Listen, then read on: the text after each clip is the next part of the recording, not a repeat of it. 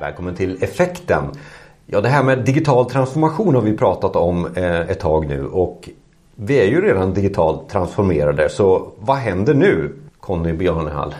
Ja, eh, det kan man ju fråga sig. Eh, men jag skulle nog ändå vilja backa tillbaka lite grann ändå och säga att Eh, vissa är kanske digitalt transformerade men den stora massan av oss är det inte. Och de allra flesta företagen tycker jag inte heller är digitalt transformerade. Man är möjligtvis digitaliserad men man är inte transformerad. Och nu är vi nu vad är då digital transformation? Så vi reder ut lite begrepp bara här. Mm. Mm. Precis, och det här är också någonting som jag tror väldigt många famlar efter just nu. När jag träffar företag och organisationer idag så säger man ju att man vill göra en digital transformation. Eh, och i nästa andetag så säger man fast vi vet inte vad det är för någonting riktigt. Och många tänker fortfarande att vi tar en analog process eller en rutin och så sen så gör vi den digital och så har vi liksom gjort en digital transformation.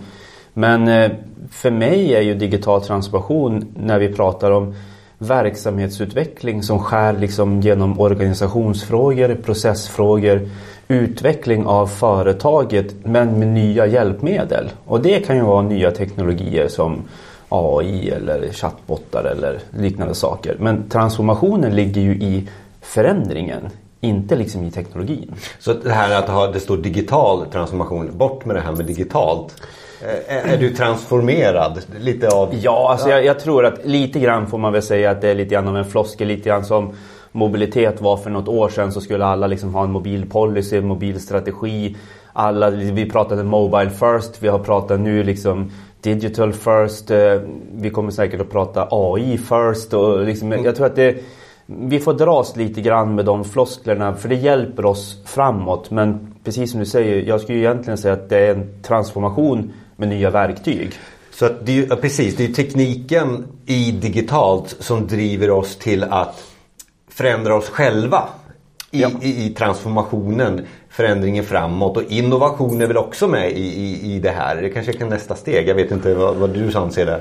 Ja men alltså precis, du har helt rätt och innovation är ju en helt naturlig del av den digitalt, digitala transformationen. Och, och liksom innovativa idéer, innovativ teknologi, det kommer ju att driva en transformation framåt.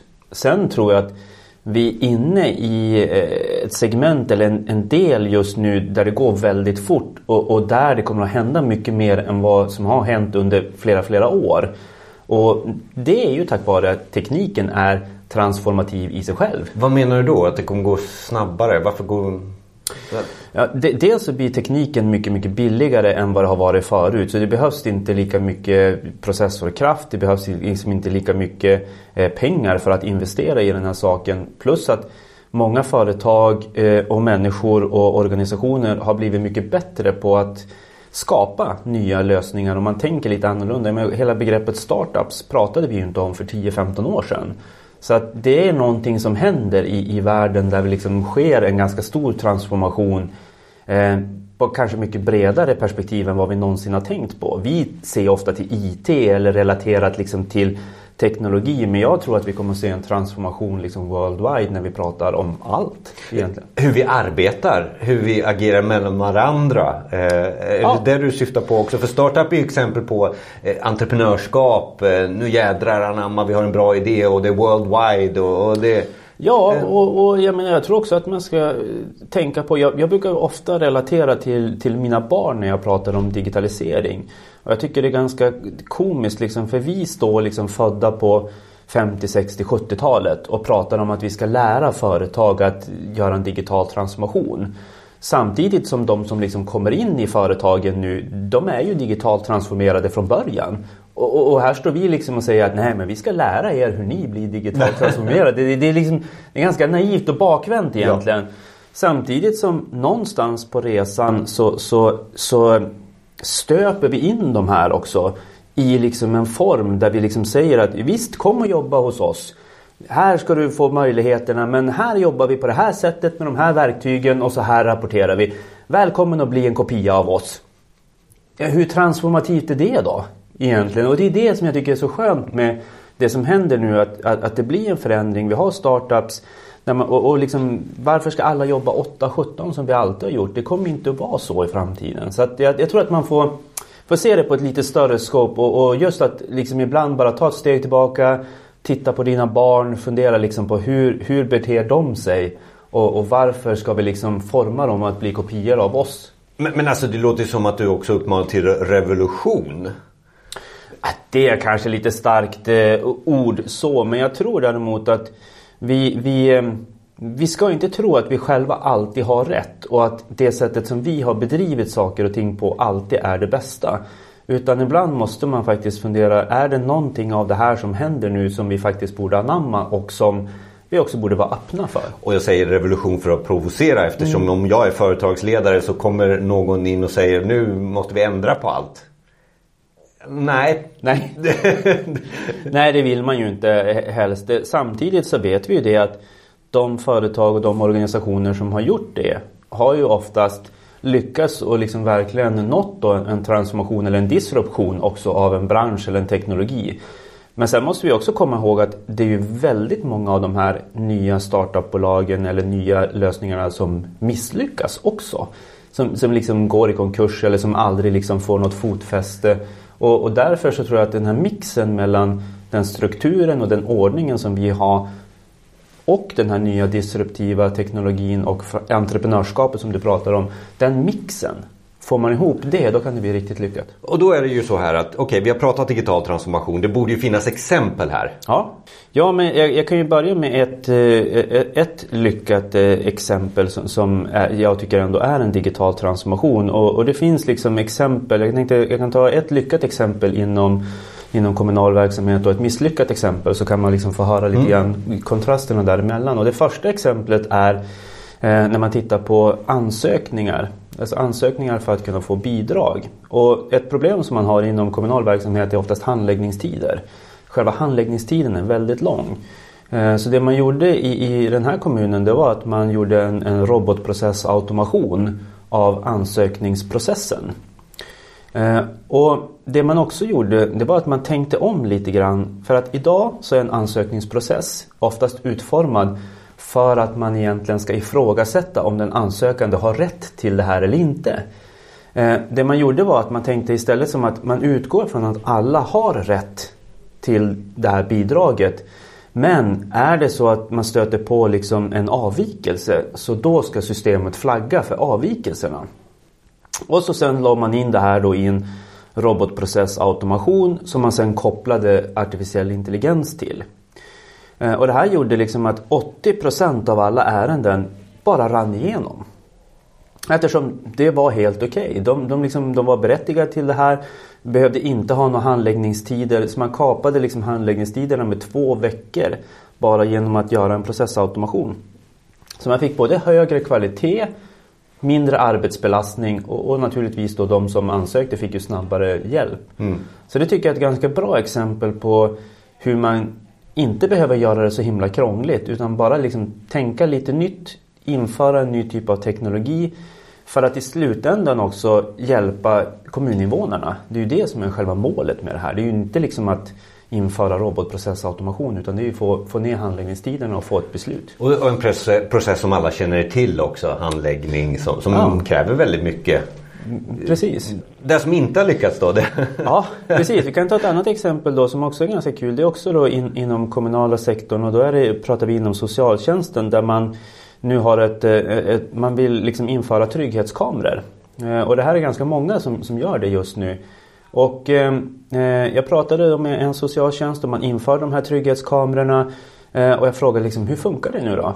Liksom, hur, hur går det? Ja, det gick inte så bra. Eh, och då frågade jag liksom, vad är det inte som funkade bra då?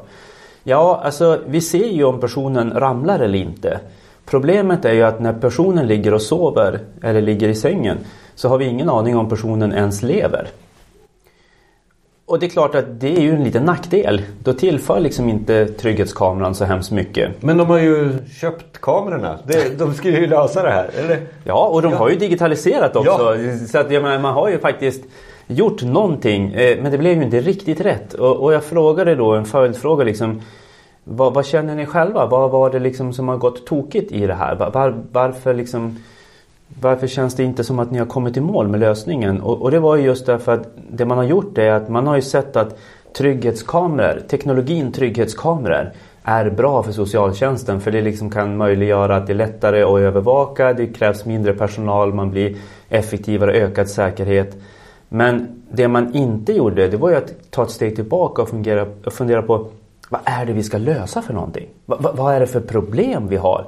För problemet är ju liksom att vi vill veta om patienten lever och att patienten inte ska ramla och slå sig och ligga och ha ont utan att vi känner till det. Så att hade man gått tillbaka och liksom sett den problembilden då hade man ju också kanske upphandlat en kamera som hade haft till exempel värmesensorer eller man hade haft sensorer i sängarna eller man hade liksom haft helt andra typer av mätvärden. Så, så återigen liksom gjorde man det här, man genade lite grann. Man gjorde en digitalisering men man misslyckades med att göra transformationen och liksom titta på vad är det vi ska lösa för något. Man hade sett att det här är ett bra ämne eh, eller verktyg eller ja. det är någon annan som har haft det. Då borde det vara bra hos oss också. Eh, nu köper vi. Precis. Vad hade ni köpt för märke sa ni? Eh, så går man ut och upphandlar en ja. teknik eller ja. liksom frågar tillverkarna istället för att kanske då fråga till exempel de som jobbar med att sköta patienterna. Vad, vad, liksom, vad skulle du behöva för att kunna göra det här remote? Det är precis som vilket annat inköp som helst privat. Om jag köper en bil ska jag inte köpa den bil jag inte behöver. Vad är det jag använder den till? Mm. Och, och, det är därför det, det som är så konstigt att man kan ju tycka att det borde vara självklart att göra så men, men det är oftast här vi gör de här små misstagen och små felen. Och det har väldigt mycket också att göra med att vi har liksom inte riktigt landat i den här jag brukar kalla det för digital mognad. Man, man saknar liksom den här digitala mognaden eller har inte den här digitala kulturen. Så därför blir det liksom att man tänker lite fel. Men du sa ju att den nya arbetsstyrkan med nya generationen är mer digitalt mogna. Ja. Eller? Så Kommer det bli bättre då på den frågan? Ja men det tror jag absolut. Mm. För man är, man är van att, att agera på ett helt annat sätt och, och, man kommunicerar inte på samma sätt som vi gör och man är också en, en integrerad del nästan skulle jag vilja säga av, av liksom den här digitala världen som, vi, som håller på att växa fram. Så jag tror absolut att det kommer att bli bättre. Problemet är att det kommer att ta ganska lång tid innan de sitter i beslutsfattande ställning på, på företag och organisationer. Och hur leder vi dem ja. under den här tiden? Det är kanske är det som är den digitala transformationen. Hur leder vi alla framåt? Ja, och, och, och, det är också det som jag tror är en jättestor utmaning. För jag är inte helt övertygad om att vi ska leda dem. Eh, det är klart att vi ska, vi, vi ska, vi ska liksom coacha dem och vägleda dem. Men frågan är liksom Eh, jag tror vi ska vara väldigt rädda så att vi inte styr dem. För då kommer vi liksom att forma dem i, i våra fotspår och det är ju det vi inte vill egentligen. Det, det här är jätteintressant och det, det, handlar ju väldigt mycket om, eh, vi har tagit upp det några gånger mm, tidigare i podden, eh, förändringsledning och, och, ja. och vara med och, och, och, se det här som en möjlighet och man förändrar kanske företaget till något helt annat än vad, det, vad vi gör idag. Mm. Eh, kanske inte med trygghetslarmen då, de kommunala verksamheterna. Men om vi tar den privata sektorn. Eh, att det kan vara, jag brukar ta i det här sammanhanget, brukar jag ta det här exemplet med gamla gamla Nokia när de gjorde gummistövlar. Och, ja. och sen så en annan dag så gjorde de mobiltelefoner. Det är väl också ett exempel på vad man kan hitta i den här transformationen. Ja. Eh, så. Vi har ju de här andra exemplen som vi alltid tar med Uber och sånt här. Men det är en annan grej också. Det... Jo, jo, precis. Det är en helt annan bransch. Men jag tycker det är ett jättebra exempel. Liksom, Nokia när man visar på att man, man kan kliva helt och hållet utanför sin comfort zone och, och, och göra någonting som, som, ingen kanske förväntade sig att man skulle göra. Och, och, det är inte det kanske man ställer sig det första man gör heller när man ska... Nej, Nej. Det, så är det ju inte. Och, och det är ju här vi har en utmaning nu också. för de företag och organisationer som vänder sig till oss funderar ju då, ja men hur gör vi? Alltså vad, vad ska vi göra då? Hur, ja hur gör vi då? Om vi har den, den, den, listan. Vi, hade som, alltså, vi är ju redan digitalt transformerade, eller det är vi ju inte. Men, men vad, vad, vad gör vi då? Kan du hjälpa oss där Carl? Ja och det, och det, är det som är, det är det som är lite både roligt och tråkigt. För de flesta kommer ju till mig liksom och bara har säger att åh du är jätteinspirerande att lyssna på. Vi fick mycket idéer och tankar och nu vill vi liksom börja hur hoppar vi på alla de här coola häftiga grejerna? Eh, och så kommer jag liksom säga, ja fast det ska vi inte. Utan nu ska vi liksom återigen avvakta, backa lite grann, fundera på liksom vad är det för organisation som vi behöver för att klara av det här. Vad är det för finansieringsmöjligheter som, som vi måste ha klara för att kunna liksom göra en sån här förändring? Eh, vad är det för processer som vi vill förändra och vad är det liksom, vad är kundnyttan? Alltså hur ser våra kundresor ut? Vad, vad vill våra kunder eller våra medborgare eller våra användare ha för någonting? För om vi inte kan svara på de här frågorna då kommer vi att misslyckas. Då kommer vi att köpa trygghetskameror som, som liksom inte kan egentligen lösa det problemet vi hade. Och, och det är det vi vill försöka undvika när vi pratar med våra kunder. att kan vi svara på de här sakerna då vet vi att det är det här vi vill lösa och då kan vi sen börja titta på, på en lösning som gör att det kanske blir en digital förändring eller, eller transformation i, i vissa delar. Så jag tror också att man måste vara medveten om att det här är en ganska lång process. Det är liksom ingenting som vi kan bara säga att ja men okej vi börjar nu och sen kommer vi att vara klara om sex månader. Utan, utan vi, vi kommer att få jobba med det här som en väldigt lång kontinuerlig process. Och jag tror att vi kommer att jobba med det här i flera, flera år. Det är bara att det kommer inte att heta digital transformation Nej. om två, tre år.